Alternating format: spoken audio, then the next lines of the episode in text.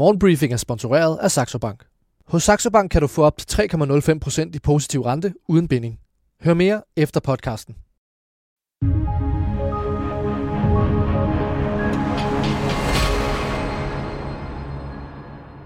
Godmorgen. Vi har taget hul på en ny uge. Det er mandag den 2. oktober. Her kommer et overblik over døgnets største historier fra de danske og internationale erhvervsmedier. I dag skal det handle om boligskatter, en advarsel fra en FN-chef til Aarhus Havn og en tumultarisk weekend i Washington D.C. Velkommen til dagens morgenbriefing fra Børsen. Mit navn er Sofie Rud.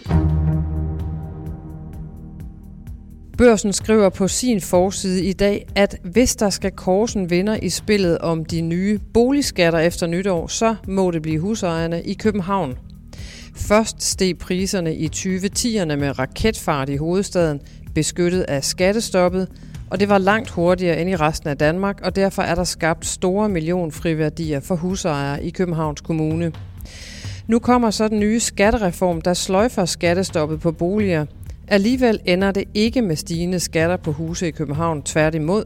De københavnske husejere står til Danmarks største skattelettelser næste år, ofte to til fire gange så store som boligejerne i typiske huse i Odense, Aarhus og mange andre kommuner. Det viser nye data fra Vurderingsstyrelsen. Læs mere om det hos Børsen i dag.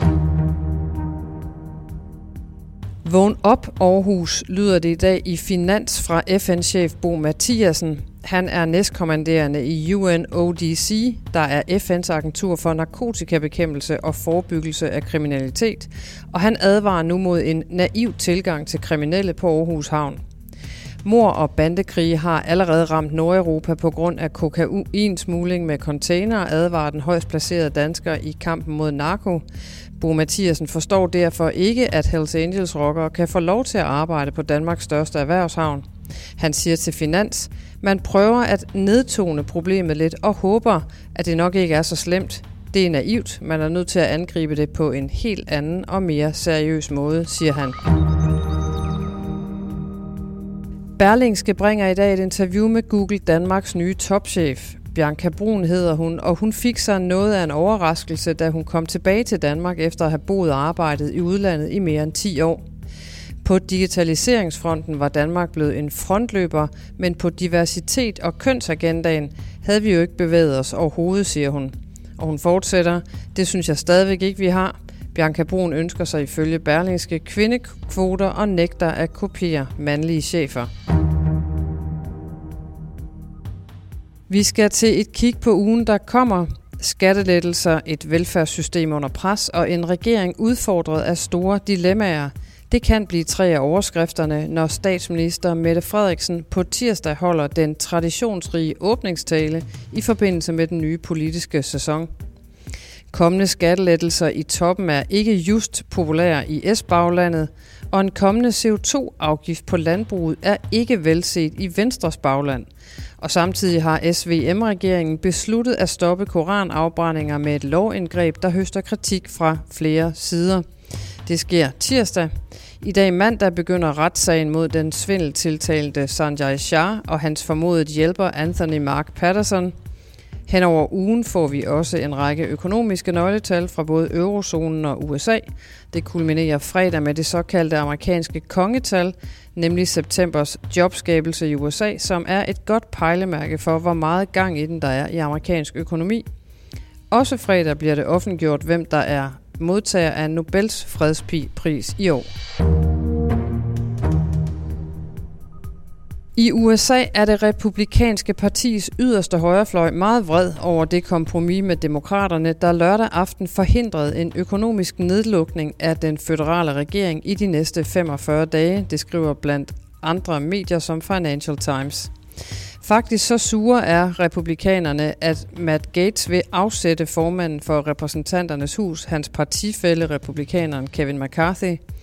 McCarthy samarbejdede med demokraterne for at forhindre nedlukning af statens økonomi i sidste øjeblik lørdag aften. Matt Gaetz sagde søndag til CNN, at det derfor er nødvendigt at, citat, rive plastret af, hvad angår McCarthy. McCarthy sidder meget usikkert i sit formandsside, fordi han for at få jobbet tilbage i januar gik med til, at et enkelt republikansk medlem kan tvinge ham til at gå af, og det vil Matt Gaetz efter eget udsagn gøre i denne uge. Et nyt renteregime er begyndt her i fjerde kvartal, hvor S&P 500 holder fast i en fremgang på 12 procent for året, men hvor meget af den entusiasme, der prægede markederne i første halvår, stort set er forsvundet. Det betyder, at investorerne nu skal finde deres fødder i en ny virkelighed, hvor renterne sandsynligvis vil forblive højere i længere tid, det skriver Wall Street Journal.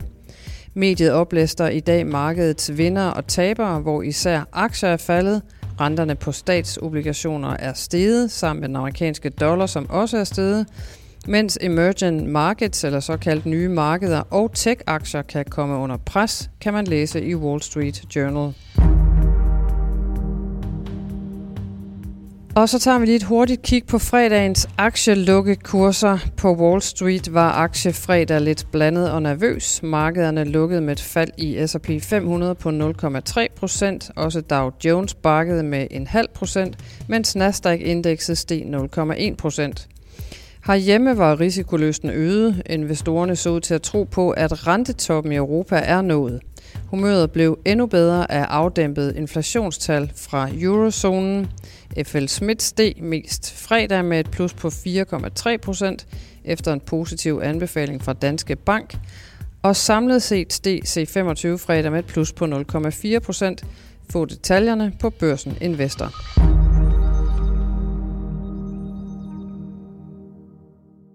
Få timer før deadline lykkedes det som nævnt lørdag aften at få en aftale på plads i USA's kongres, der aflyser en krise med nedlukning af 100.000 statslige arbejdspladser. Både repræsentanternes hus og senatet forlængede det amerikanske budget i 45 dage, så de to partier får lidt længere tid til at forhandle om de offentlige budgetter på længere sigt. En af de ting, der betyder noget uden for USA, også er den amerikanske vilje til at fortsætte støtten til Ukraine. Her får du en bid med Chuck Schumer, flertalsleder for Demokraterne i senatet, som talte efter, at aftalen var i hus lørdag aften. We will keep the government open for 45 days with a clean CR at current funding levels. And we, and we avoided all of the extreme, nasty, and harmful cuts MAGA Republicans wanted. After trying to take our government hostage, MAGA Republicans won nothing. So, one more time.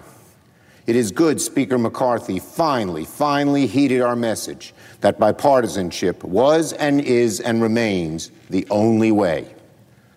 He could have made this decision weeks ago. We will not stop fighting for more economic and security assistance for Ukraine. Majorities in both parties support Ukraine aid, and doing more is vital for America's security and for democracy around the world. Today, MAGA extremists have failed, bipartisanship has prevailed, and both parties have come together to avert a shutdown.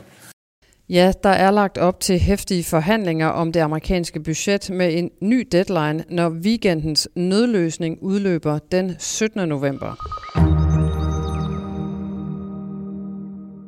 Det var, hvad der var plads til i dagens morgenbriefing. Tak fordi du lyttede med. Vi er her igen i morgen, og indtil da så håber jeg, at du får en god start på ugen.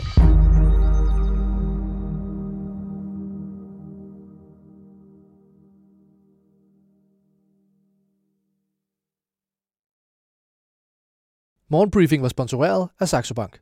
Ved du, hvor dine penge helst vil være? Hos Saxo Bank kan du få op til 3,05% i positiv rente med en investeringskonto. Det er gratis at oprette, og kontoen er uden gebyr eller binding, så du altid kan investere eller trække dine penge ud. Kom i gang allerede i dag på saxobank.dk.